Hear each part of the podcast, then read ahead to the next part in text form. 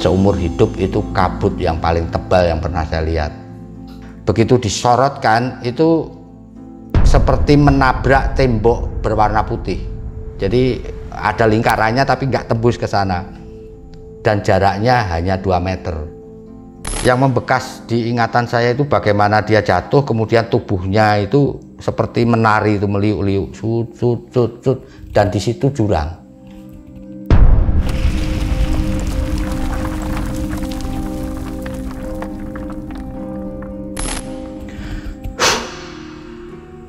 saya menunggu empat hari. Sejak si Iqbal ini jatuh bantuan tidak datang.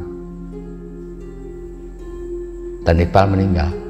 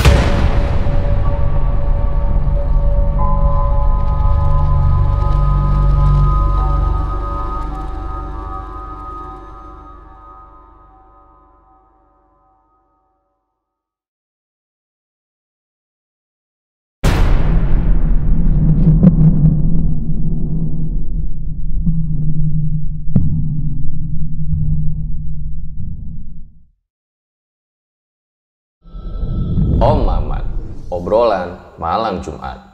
Kembali lagi bersama gue Fajar Aditya. Kali ini di Om Mamat season 3. Kamu yang takut atau mereka yang lari.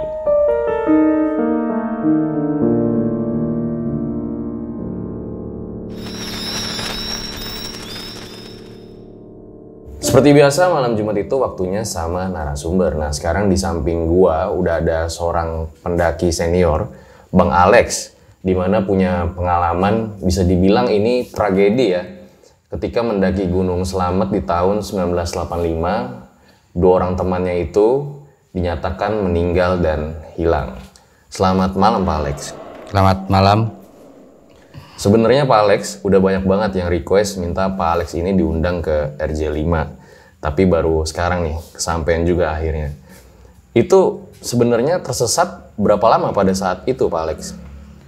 Total pendakian itu menjadi 14 hari. Karena hari pertama itu kalau hari berakhir jam 12 malam kami sampai di Samarantu. Nah hari kedua itu kami sampai di puncak pagi hari. Setelah itu dari puncak itu kita kena kabut yang mana sampai saat ini itu kabut paling tebal yang pernah saya alami itu terjadi di Gunung Slamet waktu musibah itu nah itu sudah tersesat Jadi bisa dibilang 13 hari total tersesat. iya gitu.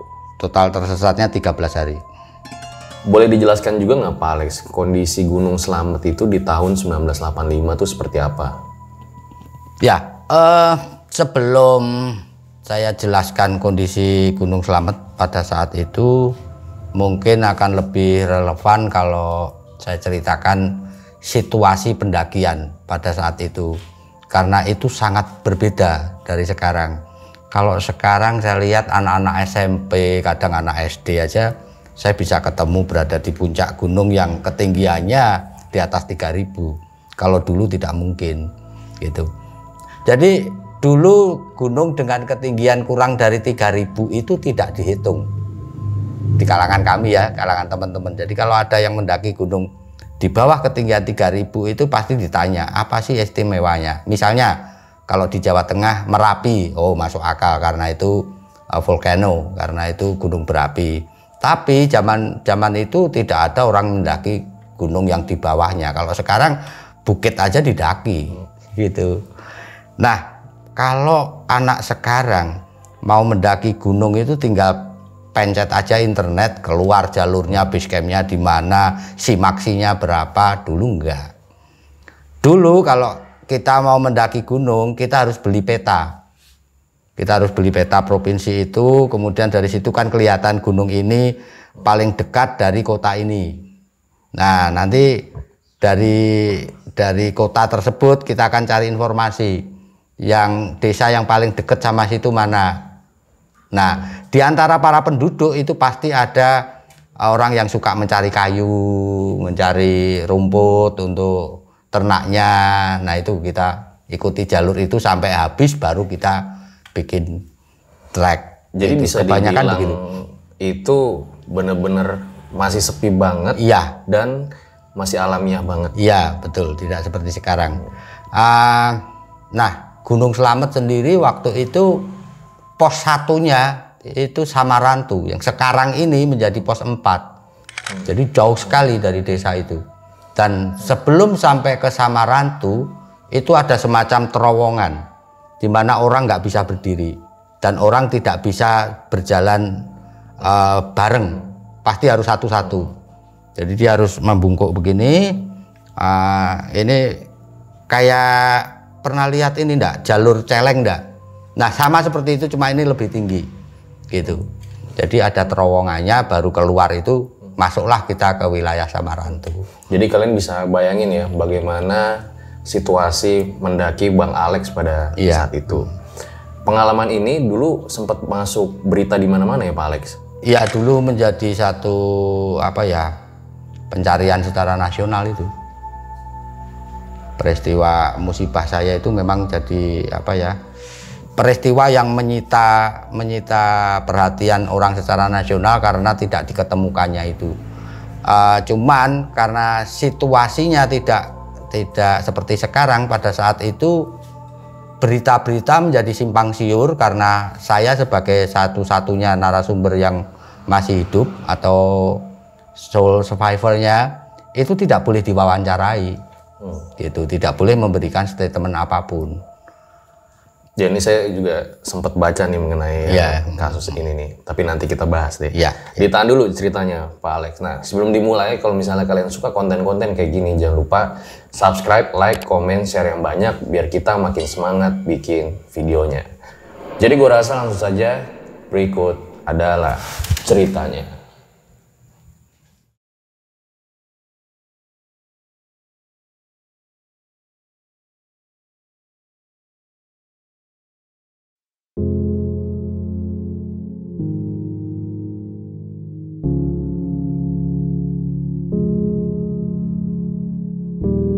Peristiwa ini saya alami pada bulan Januari tahun 1985 bersama dua sahabat saya. Yang satu itu bernama Iqbal Latif, itu adalah teman satu jurusan, satu kelas, teman dalam uh, study club. Jadi kita kita punya kelompok belajar bersama. Dia juga sama seperti saya menerima uh, beasiswa. Yang satunya gagah pribadi dari jurusan bahasa Indonesia. Kalau saya dari jurusan bahasa Inggris saya dan Iqbal IKIP Negeri Semarang. Bagaimanapun peristiwa ini akan merubah seluruh hidup saya, memberikan banyak sekali trauma uh, dan jalan cerita kehidupan yang sangat berbeda dibanding apabila saya tidak mengalami peristiwa ini.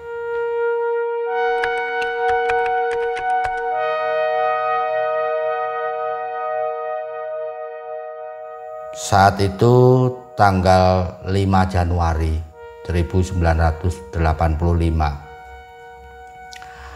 sesuai rencana uh, untuk mendaki ke Gunung Slamet sebagai gunung tertinggi di Jawa Tengah maka kami menuju ke desa Bambangan. Jadi waktu itu rute yang paling diketahui itu ya lewat Bambangan itu. Jadi beberapa rute lain seperti yang kita ketahui sekarang ini pada saat itu belum begitu dikenal. Ketika sampai di Desa Serang, jadi sebelum Bambangan, kami mampir makan. Cuaca waktu itu hujan gerimis. Tetapi untuk kami tidak ada kata karena hujan kita tunda karena kalau sampai menunda berarti pendakian akan molor.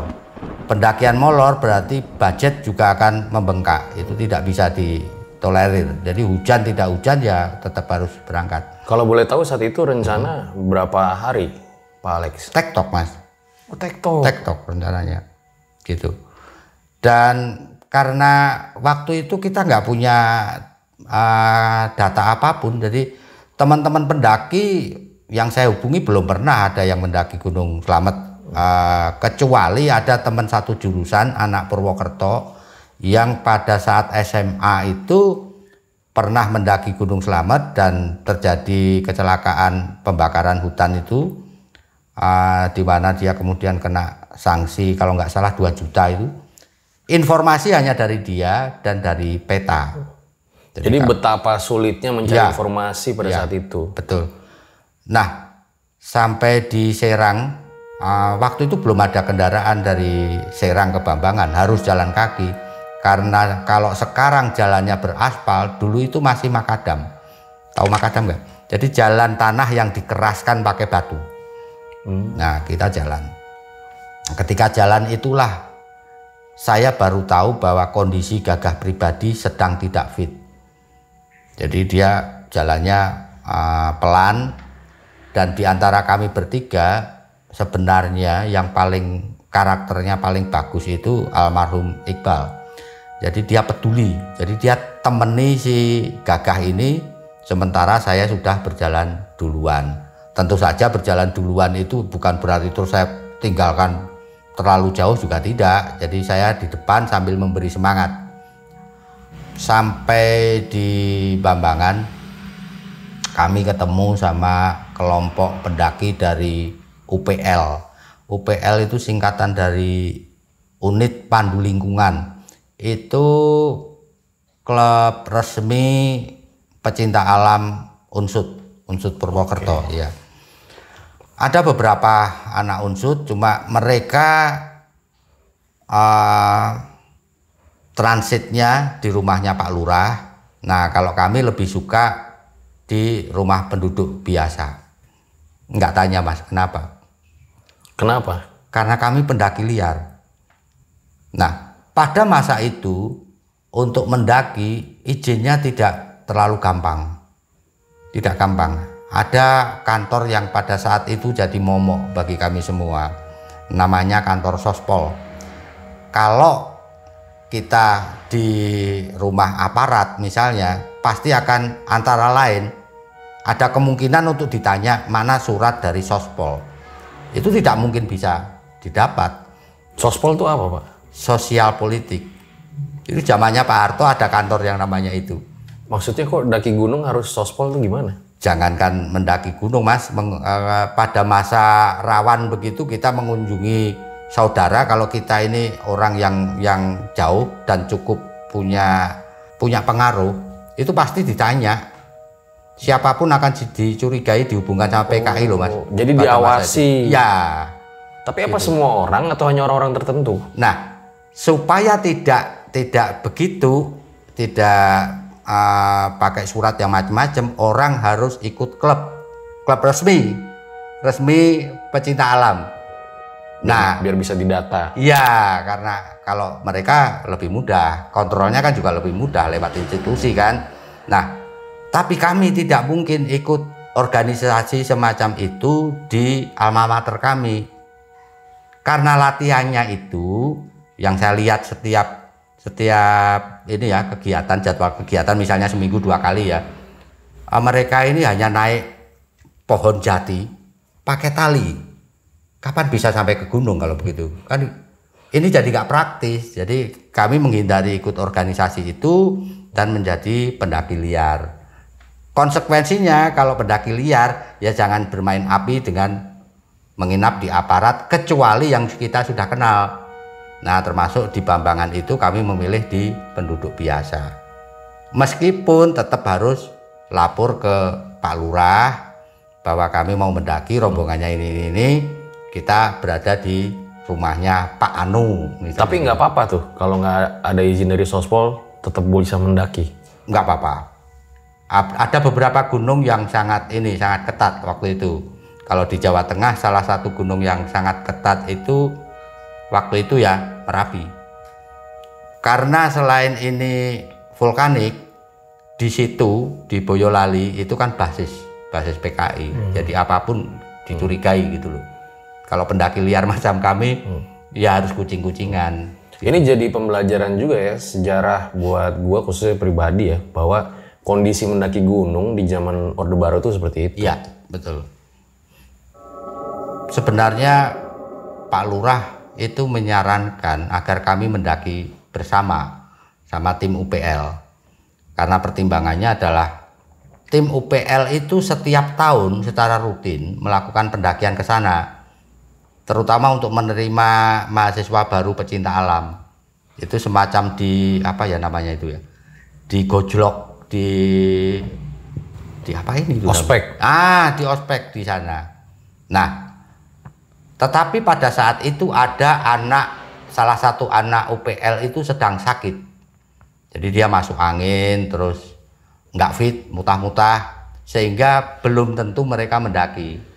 Sedangkan bagi kami yang jauh ini dan nyuwun sewu ya, maaf.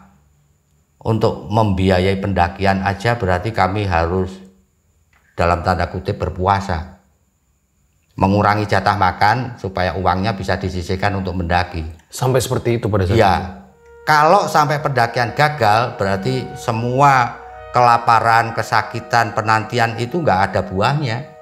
Jadi nggak ada kata gagal gitu. Jadi ya harus mendaki. Nah akhirnya kami berangkat duluan. Tim UPL itu masih di rumahnya Pak Lurah setelah kami memberikan KTP kepada Pak Lurah. Nah ini yang kemudian membuat kami nanti dicari oleh aparat. Ah, kami berangkat duluan sekitar jam habis isya itu. Habis isya kami berangkat.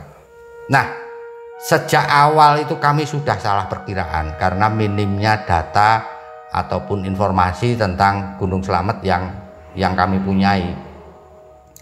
Dari jam habis isya itu ya katakanlah jam hampir jam 8 ya itu kami berjalan sampai setengah 12 ya paling tidak jam 11 lebih itu.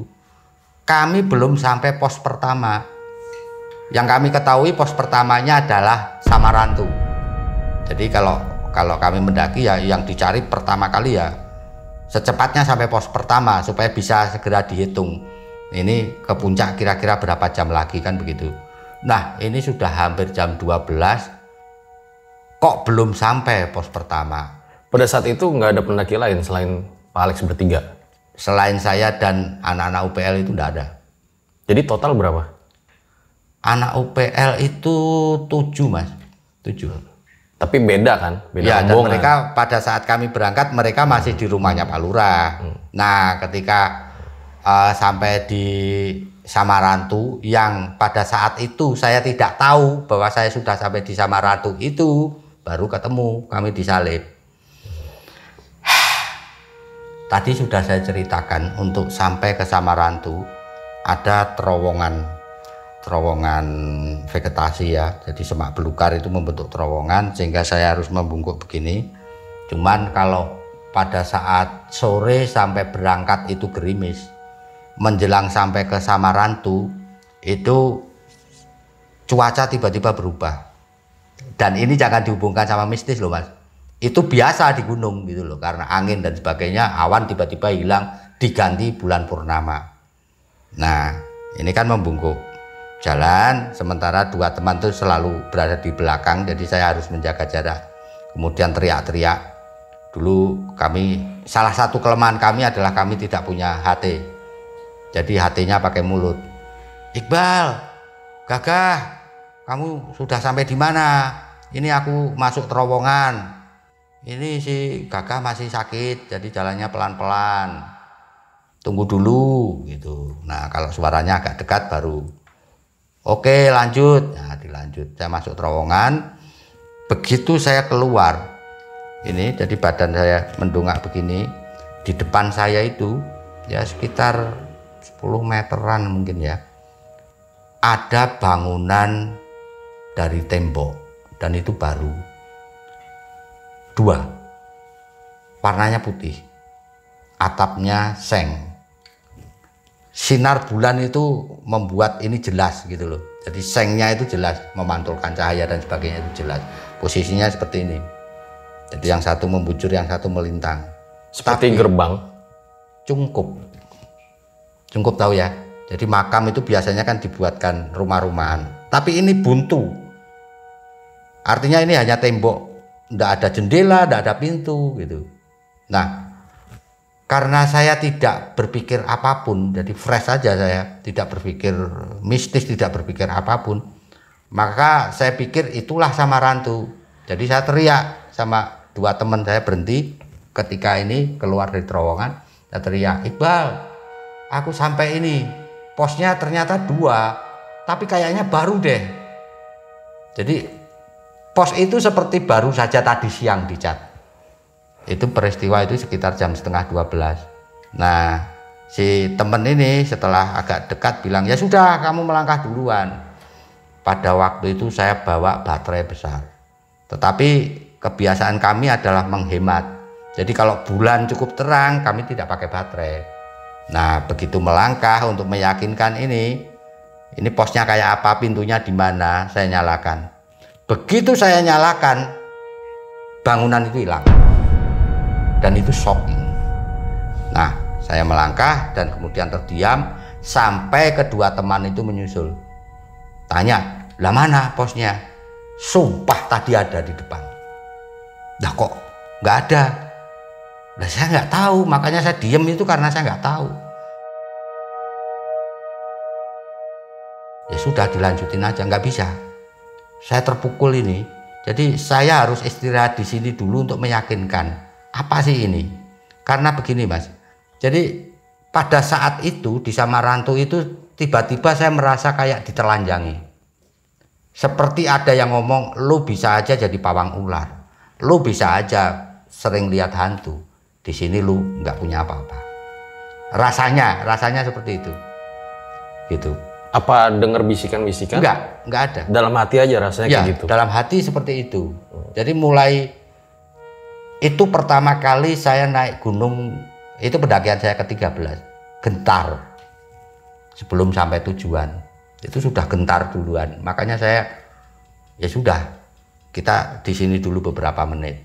Nah kita tiduran tepat di lokasi, saya tidur di lokasi cungkup itu, penampakan cungkup itu, dan saya tunggu nggak ada gejala apa-apa, nggak ada apa kuntilanak ngakak atau apa juga nggak ada gitu. Jadi, nah yang dua teman ini kan bersikeras bahwa kamu itu halusinasi, dan kami sempat berbantah. Itu nggak logis kalau halusinasi. Yang sakit itu kalian, yang nggak fit kalian. Saya paling sehat kok malah saya yang halusinasi dan sebagainya dan sebagainya.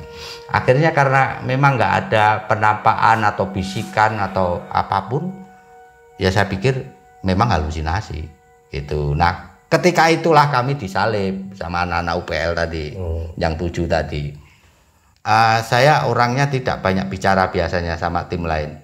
Yang banyak bicara itu dua temen itu. Nah, dua temen itu saya dengar tanya, Mas, sama rantunya apa masih jauh? Nah, saya dengar anak UPL itu jawab, ini sudah masuk kawasan Samarantu, posnya di depan itu. Beberapa langkah lagi lah, sudah tak tunggu di pos, gitu. Mereka bilang begitu. Nah, kemudian mereka jalan, mereka istirahat di pos. Nah, jam 2 saya putuskan untuk berangkat. Oke, kita susul anak-anak UPL itu. Nah, jalan sama teman-teman itu lah baru beberapa langkah ternyata benar anak UPL itu masih di situ, tidak melanjutkan pendakian. Nah kita tanya, loh kok malah berhenti di sini? Nah, ternyata yang di desa tadi sakit, di situ mengalami kram perut. Kram perut itu termasuk apa ya, hambatan yang cukup serius kalau mendaki gunung. Karena penanganannya tidak bisa apa ya, tidak bisa gegabah kalau itu tidak teliti, maka kram perut ini akan membuka terjadinya hipotermia. Kalau di Samarantu aja sudah kram perut bisa dipastikan ini kalau mendaki jelas ini akan kena hipo gitu. Nah kemudian mereka bilang ya sudah uh, kalian duluan aja mas. Nanti kalau si temen ini ini yang yang sakit perempuan si temen ini nanti membaik kami akan menyusul. Kita ketemu di puncak. Tapi kalau tidak membaik kami pulang. Gitu. Pada proses berikutnya. Ya teman-teman UPL inilah yang yang kemudian melakukan inisiatif untuk mencari kami yang paling getol itu UPL kami lanjutkan perjalanan. Nggak ada yang luar biasa selama dari Samarantu hingga ke Pelawangan. Jadi batas vegetasi di Gunung Slamet itu namanya Pelawangan. Kita mau lewat Bambangan lewat Gunung Malang itu namanya sama tapi tempatnya beda. Jadi ke Pelawangan Bambangan Pelawangan Gunung Malang kan gitu. Sampai di sana itu kira-kira jam 6 sampai di Pelawangan bakat batas vegetasi. Uh, kami sempat sholat subuh dulu baru kemudian melanjutkan perjalanan.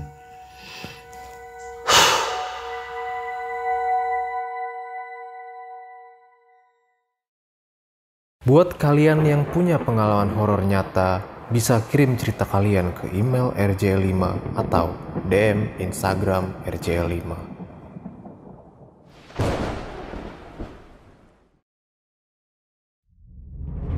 Ada satu momen yang sampai sekarang sangat membekas uh, dalam diri saya. Jadi ada semacam rasa perih yang mengalir kalau mengingat momen itu. Jadi sehabis sholat subuh, uh, Iqbal minta izin untuk mengambil Edelweiss dan saya bahkan membantunya. Padahal saya tahu betul Edelweiss itu mau diberikan pada siapa. Jadi kami ini terlibat pada ya katakanlah cinta segitiga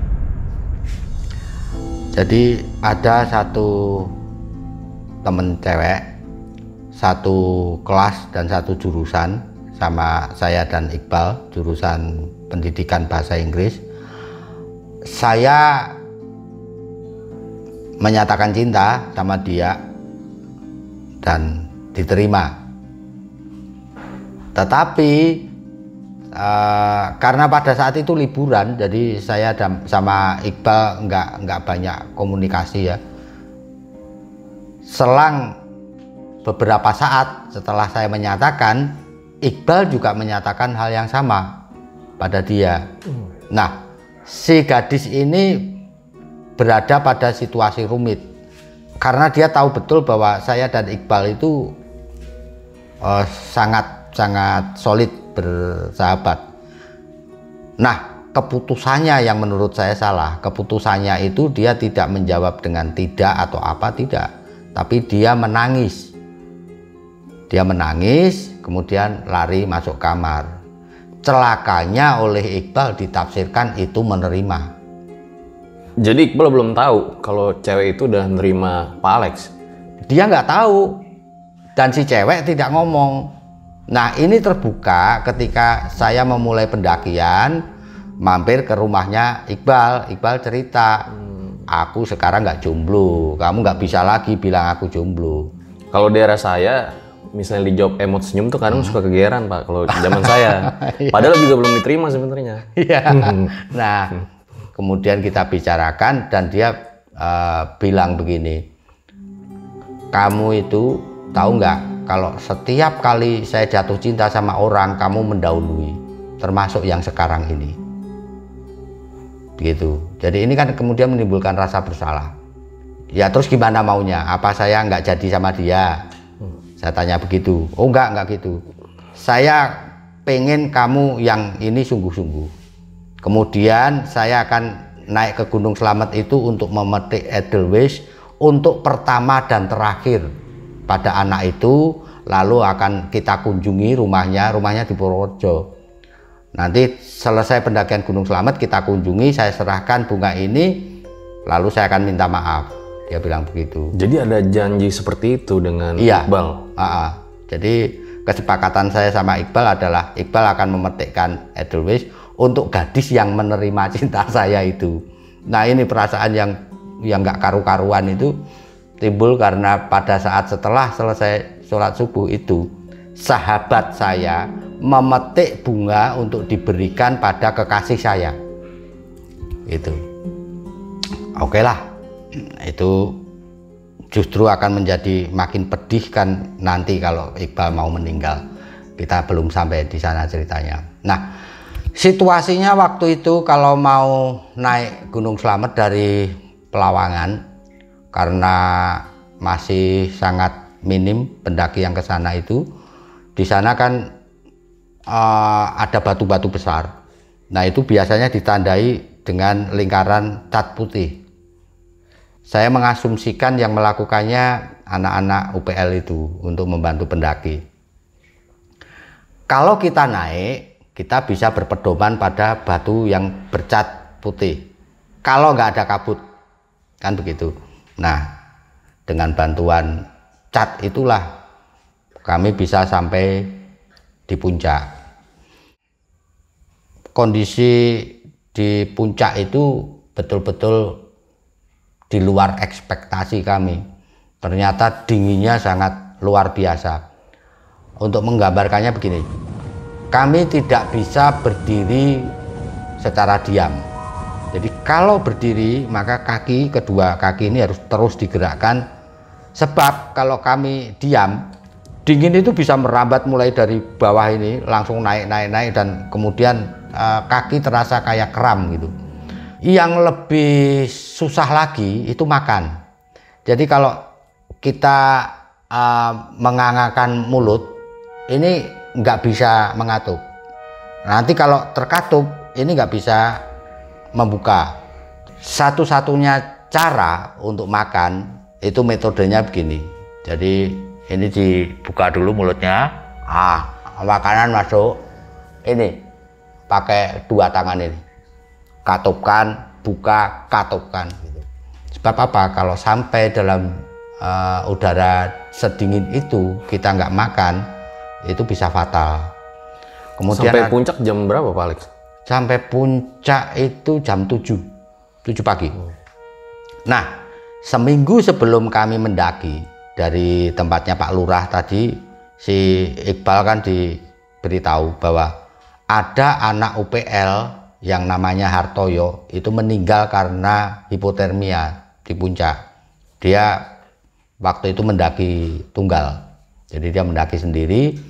Nah, sampai di puncak kedinginan dan meninggal. Pada saat itulah kami baru menyadari, oh sedingin ini toh. Nah, ini membentuk hantu dalam diri kami.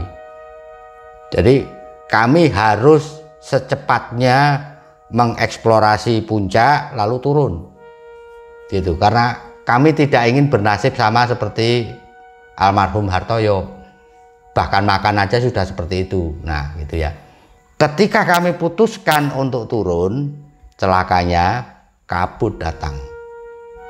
Seumur hidup itu kabut yang paling tebal yang pernah saya lihat.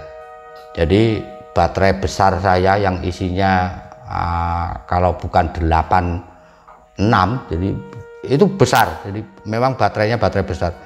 Begitu disorotkan itu seperti menabrak tembok berwarna putih jadi ada lingkarannya tapi nggak tembus ke sana dan jaraknya hanya 2 meter jadi baterai ini hanya bisa berjarak 2 meter kemudian nabrak dinding putih semacam itu nah ini sudah mulai dilematis kalau kami tetap bertahan menunggu kabut, kami nggak tahu kabut ini selesainya kapan. kami pada waktu itu membawa bahan bakar padat parafin. Semua habis untuk menghangatkan badan di situ. Dan setelah itu benar-benar habis, maka mau tidak mau ya turun. Dalam kondisi kita nggak bisa melihat apa pun, ketika kami turun, perasaan saya kami terlalu ke kanan. Terjadi eh, perbedaan pendapat.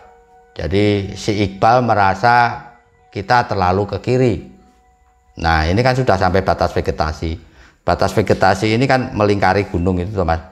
Nah, kemudian karena saya yang ditunjuk jadi tim leader, berarti saya yang ambil keputusan. Gini aja, tak kasih waktu masing-masing 15 menit. Yang satu ke kanan menyusuri batas vegetasi ini, yang satu menyusuri ke kiri untuk menemukan pelawangan. Nah, 15 menit yang yang berikutnya adalah waktu untuk balik ke tempat saya. Gitu ya. Ternyata mereka semua kembali ke tempat saya dan jawabannya sama. Yang ke kiri maupun ke kanan itu menemukan jurang. Kondisi puncak selamat uh, waktu itu adalah dan sampai sekarang masih itu batunya. Jadi batunya itu berbentuk kayak batu karang yang tajam, warnanya coklat batuan lepas itu. Nah, ketika turun itu untuk sampai ke batas vegetasi, si Iqbal karena dia punya minus yang besar di kacamatanya, kurang jelas melihat ditambah kabut, dia terpeleset. Nah, ketika terpeleset, dia tahan pakai tangan ini. Padahal dia pakai ini kaos tangan, itu tembus, Mas. Jadi telapak tangannya itu kayak di cutter beberapa ini loh beberapa garis dan putih gak ada darahnya gitu saking dinginnya. Saking dinginnya. Dan itu justru menambah apa ya ketergesaan kami. Ini bagaimanapun harus turun. Kondisinya itu membuat kami akhirnya harus bertiga itu memutuskan oke okay, terabas hutan. Ketika mau menerabas hutan itu saya kumpulkan air sama makanan yang tersisa. Jadi hanya ada beberapa butir kentang rebus. Kami waktu itu bekalnya kentang rebus sama air. Nah, kentang rebus ini dibagi. Ternyata yang bekalnya sudah habis itu gagah karena sakit. Jadi dari awal dia sakit, bekalnya habis ditambah beberapa bekal dari Iqbal itu juga disuplaikan ke dia. Nah, Kemudian berarti yang masih cukup banyak adalah bekal saya plus separuh bekalnya Iqbal itu dibagi bertiga. Dan saya bilang inilah makanan kita yang terakhir untuk menerobos hutan ini. Dan pada saat itu kami tidak membawa peralatan untuk survival, apalagi untuk foresting, untuk menebus e, menerobos hutan. Jadi tidak bawa pisau, tidak bawa tali, bahkan korek pun itu korek batang biasa itu. Karena memang niatnya tektok. Iya, niatnya tektok dan lewat bambangan. Gitu. Jadi pada saat itu tersisa apa aja yang di tas?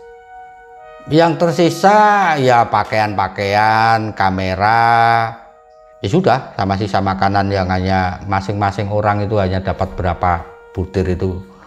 Nah, bagi saya tidak masalah karena sejak awal mendaki gunung saya selalu berusaha beradaptasi. Jadi saya akan makan apa yang bisa saya makan di situ misalnya daun-daunan apa-apa gitu ya nah kalau Iqbal karena dia meskipun mendaki gunungnya itu pendakian kedelapannya dia.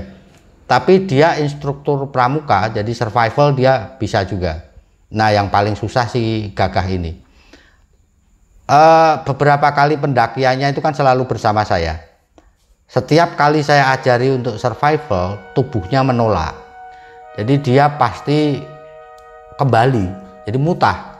Jadi kalau dia makan sesuatu yang asing sesuatu yang ada di hutan tubuhnya memang nggak bisa menerima. Akhirnya pada proses berikutnya sebagian bekal Iqbal dan seluruh kentang yang saya punyai saya berikan aja ke dia. Saya memilih sudahlah yang penting dia masih bisa melanjutkan perjuangan untuk untuk menerobos hutan ini. Saya akan beradaptasi dengan apa yang ada di hutan.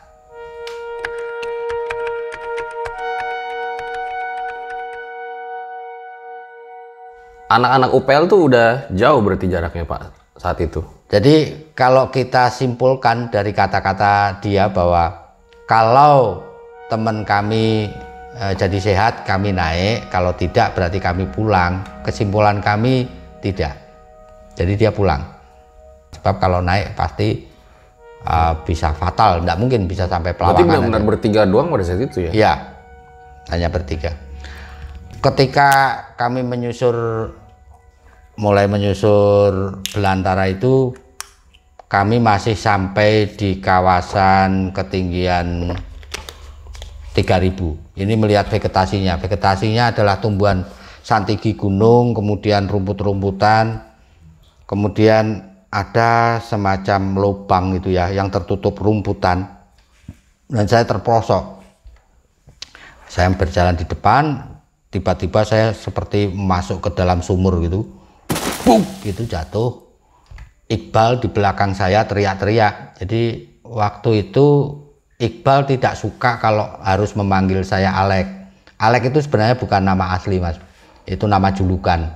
Nah dia lebih suka memanggil nama saya yang asli. Ya dia dia manggilnya Puji.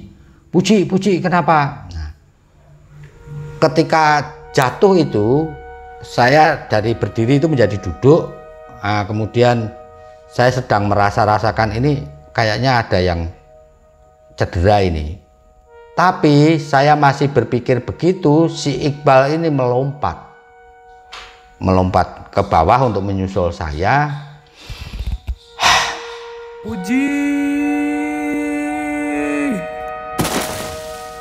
Kepalanya itu terantuk pada bagian belakang kepala saya.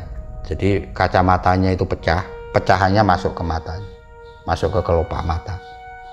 Matanya Iqbal akhirnya Iya. masuk. Ya, Keluar darah dong di matanya Iqbal. bukan hanya darah, Mas. Saya yang harus mencabut dan ah, saya nggak bisa melukiskan dengan bagus ya bagaimana perasaan saya. Tapi ada semacam eh, gini loh, kamu itu ngapain sih? Kok sampai segitunya? Kamu itu kan instruktur pramuka masa masa situasi darurat begini aja kamu jadi gegabah hanya saking sayangnya. Karena memang si Iqbal ini orang yang sangat solider ya.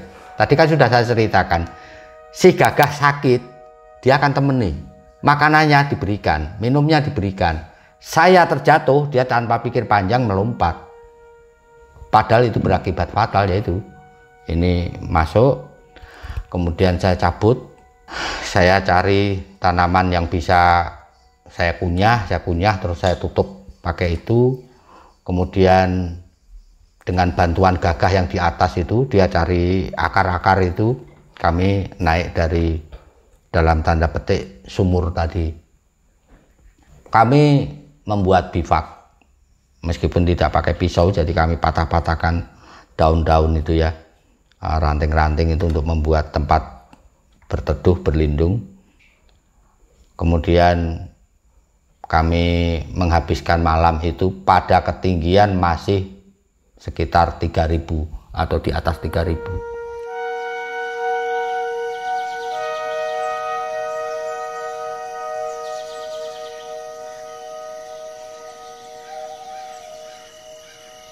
hari berikutnya itu lebih membuat kami apa ya lebih tertekan lagi. Karena apa? Jelas-jelas itu hutan yang belum ditempuh manusia. Sampai-sampai kita nggak bisa berjalan. Merangkak juga nggak bisa. Bisanya melata. Jadi untuk menembus menembus kerapatan hutan itu kami sudah tidak seperti manusia tapi seperti ular supaya bisa melata ini nah tapi kok bisa kami ini sudah melata turun? Ini bisa kembali ke situ lagi. Jadi kita nemu terowongan kita lagi. Nah kenapa saya dan kami meyakini bahwa itu terowongan yang sama ada puntung rokoknya? Dan itu jelas rokok saya. Gitu. Nah seharian itu kami begitu. Orang-orang percaya pada apa ya disebut oyot mimang kali ya tapi saya tidak merasa menginjak sesuatu sih Cuman ya kami terus berputar-putar terus di situ. Oyot Mimang apa? Pak Alex bisa dijelasin? Kalau orang-orang itu cenderung mengatakan oyot mimang itu adalah semacam akar gaib yang kalau diinjak orang akan berputar-putar di satu kawasan.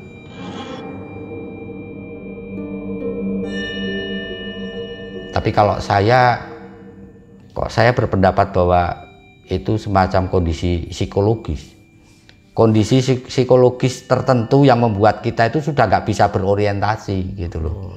Jadi bisa saja sebenarnya uh, datar kita simpulkan sebagai menurun bisa saja gitu. Kita kan harus harus tetap terbuka pada sains, pada logika, nggak nggak selalu serta merta oh ini gaib kan gitu. Ini mungkin banyak juga yang nanya nih Pak Alex teman-teman ya. Kenapa Pak Alex nggak nyoba naik ke atas lagi aja? Untuk akhirnya ke puncak terus turun lewat jalur yang menuju puncak tadi. Berarti harus nunggu kabut mas.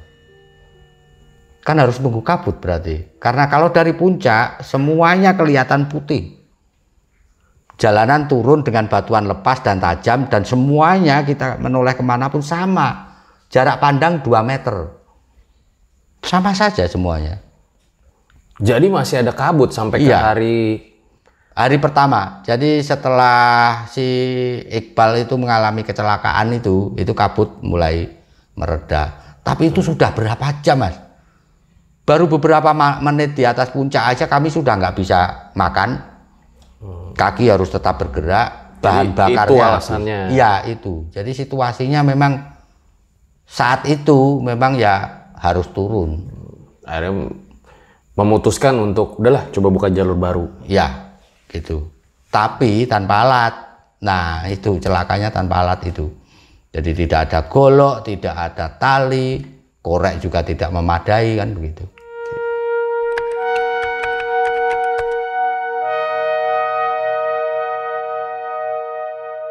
Ya, karena kami selalu berputar-putar di tempat yang sama itu dan keputusan seperti ini biasa dilakukan para pendaki mas. Jadi salah satu untuk menetralisir itu biasanya kita beristirahat. Nah waktu itu kami putuskan untuk menginap saja. Ketika kita menginap ini dengan cara membuat bivak dari tanaman-tanaman yang bisa dipotong dengan kedua tangan. Ah, malam-malam itu saya pengen pipis. Saya keluar. Dari bivak kebetulan cuacanya cerah.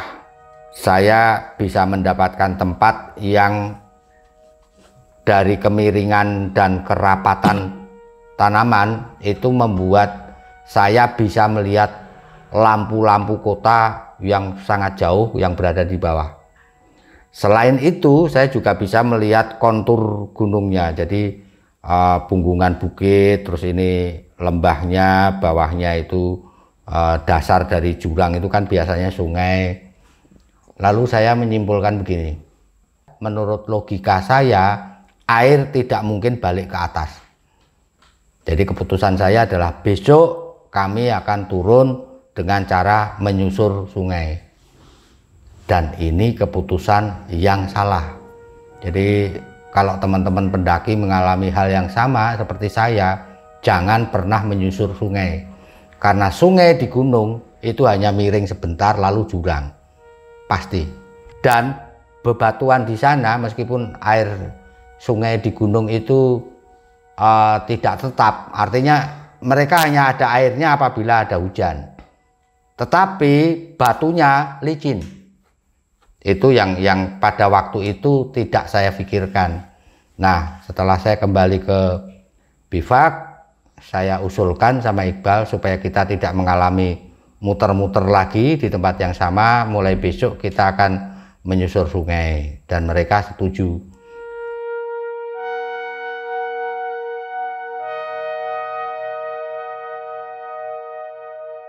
Besoknya kami lanjutkan perjalanan Ini berarti hari kelima ya Pak? Ya, ini masuk hari ke-5.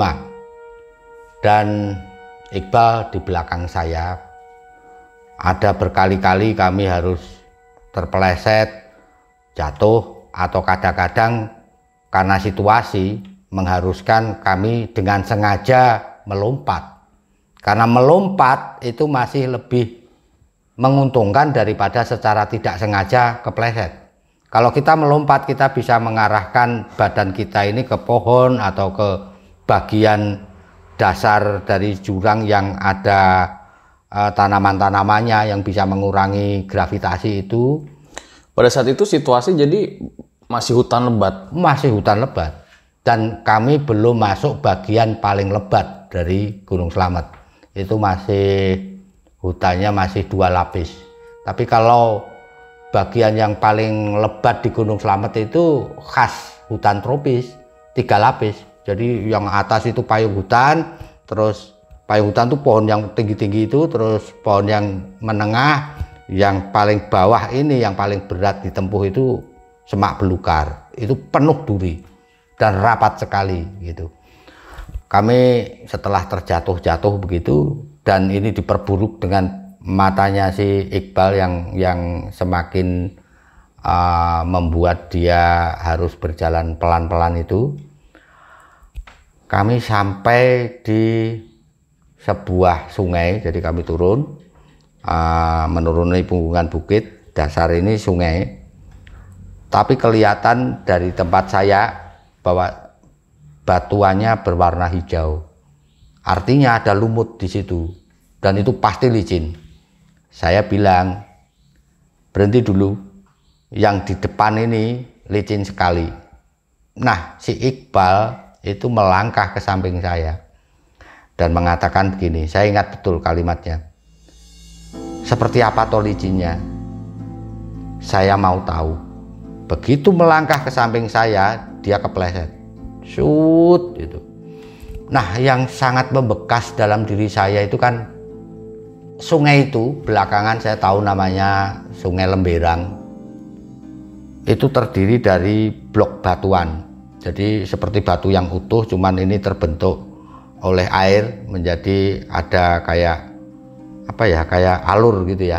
Nah, yang membekas di ingatan saya itu bagaimana dia jatuh kemudian tubuhnya itu seperti menari itu meliuk-liuk sut dan di situ jurang tanpa suara jadi belakangan si Iqbal cerita bahwa sejak jatuh itu dia sudah pingsan karena dia tahu di depannya jurang jadi saya teriak-teriak Iqbal Iqbal Iqbal dia sudah tidak nyaut cuman sut, sut dan sudah tidak ada suara Sementara saya juga harus menjaga si gagah ini supaya tidak panik dan ikut melangkah. Kalau ikut melangkah sudah pasti jatuh semua. Gitu.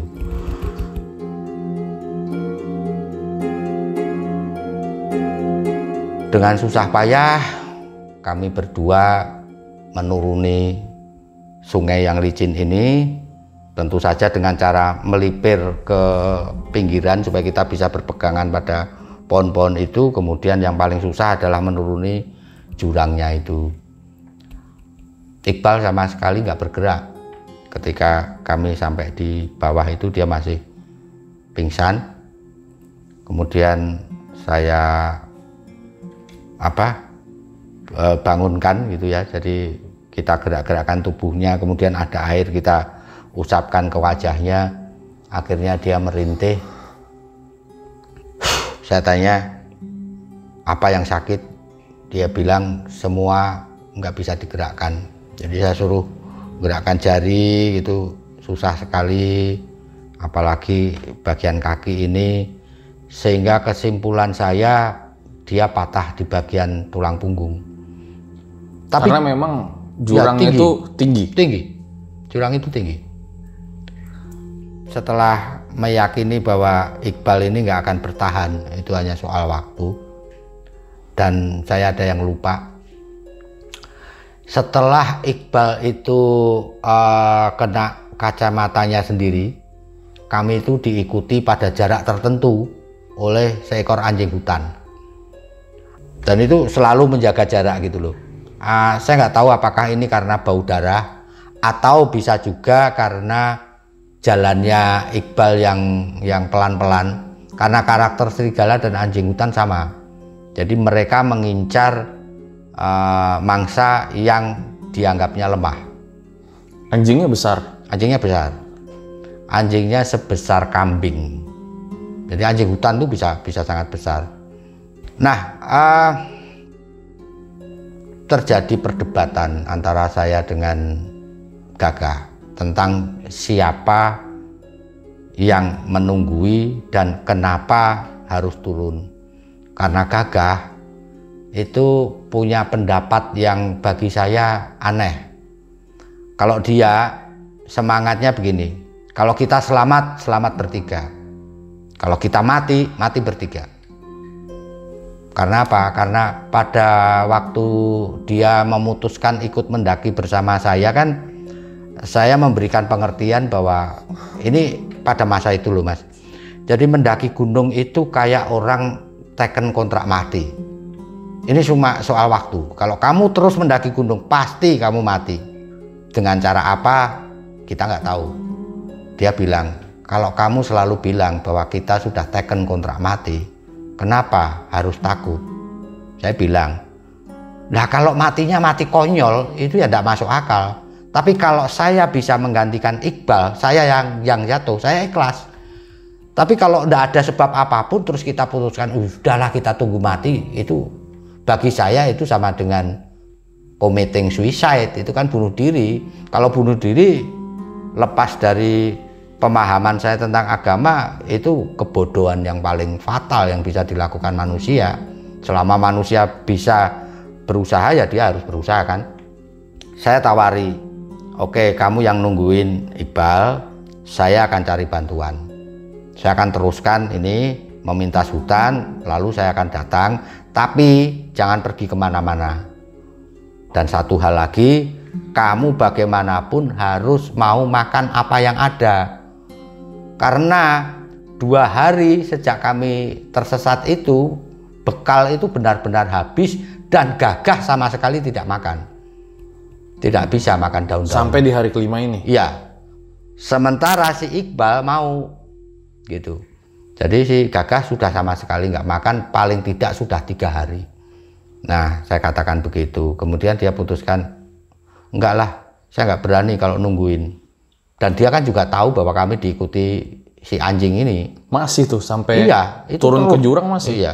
Waktu turun ke jurang si anjing belum nongol nanti hari berikutnya. Tapi pada saat kami uh, menuruni si Iqbal yang jatuh anjingnya nggak ada. Gitu. Tapi si kakak menyimpulkan ini pasti si anjing datang lagi wong kita diikuti terus kok. Nah akhirnya dia menawar begini. Oke saya turun leg tapi kalau nanti ada jurang yang nggak bisa dituruni atau kemampuan saya habis untuk melanjutkan perjalanan saya akan naik. Dan kamu gantian harus mau. Kan saya sudah nurutin uh, mau kamu supaya ada yang turun. Gantian kamu nanti harus mau nunggu kematian bersama-sama. Nah karena waktu itu saya tidak bisa menemukan jawaban ya sudah saya bilang oke okay. jadi pada saat itu Pak Alex menunggu aja ya di iya. atas ya. sementara si Gagah mencari ya. bantuan uh, karena menurut keyakinan Gagah menunggui ini menjadi lebih berat karena selain harus mempedulikan atau merawat si sakit dia juga harus menjaganya dari binatang dan dia nggak mampu dan kondisi Iqbal pada saat itu benar-benar cuma tiduran doang iya Ya. Tidak bisa digerakkan seluruh tubuhnya. Tidak bisa. Jadi sebelum pada akhirnya Gagah meninggalkan kami, kami berdua memapah si Iqbal ini dibawa dari tengah sungai ke pinggir. Ke pinggir sungai, di situ kami bikinkan bivak, kemudian baru si Gagah melanjutkan perjalanan. Gitu. Saya menunggu empat hari sejak si Iqbal ini jatuh bantuan tidak datang. Dan Iqbal meninggal.